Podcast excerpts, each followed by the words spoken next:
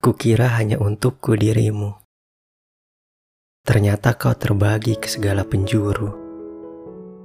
Sporadis memberi angin surga pada kawanan pemangsa.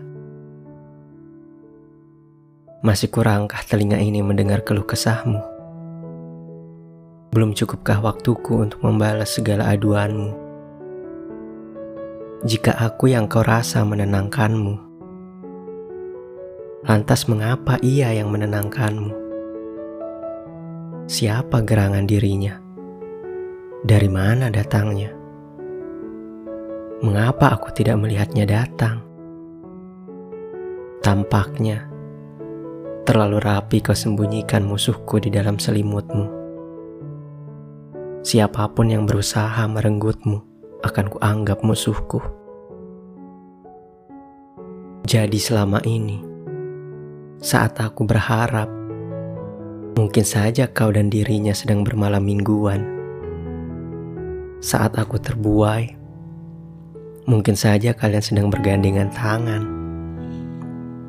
Saat aku hendak membantu masalah-masalahmu, sudah ada dirinya yang menjadi kesatria untukmu. Bravo, luar biasa dan kalah sebelum berperang adalah perasaan yang sangat menyebalkan. Hari ini mau tak mau harus kembali lagi ku pakai topeng senyumku. Ku simpan lagi perasaanku rapat-rapat. Selamat, kataku. Padahal bara membakar hati, sembari hangus. Aku terus mengutuk diri sendiri Wahai kau yang berjubah api, puaskah kau menjadikanku arang?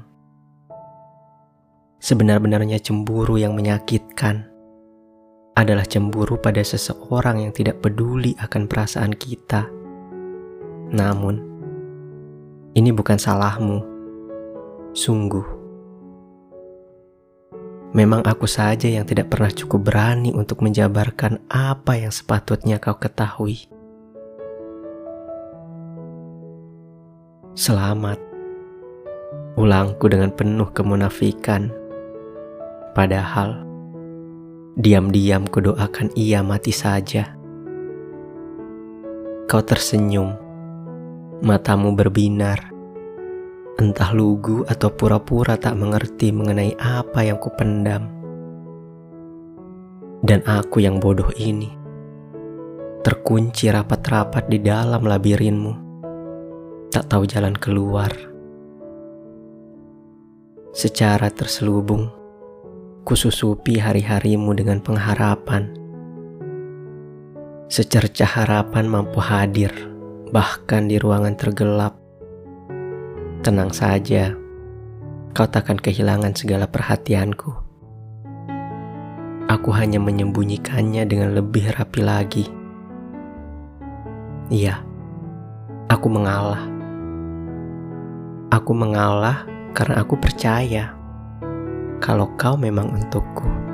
Sejauh apa pun kakimu membawamu lari, jalan yang kau tempuh hanya akan membawamu kembali padaku.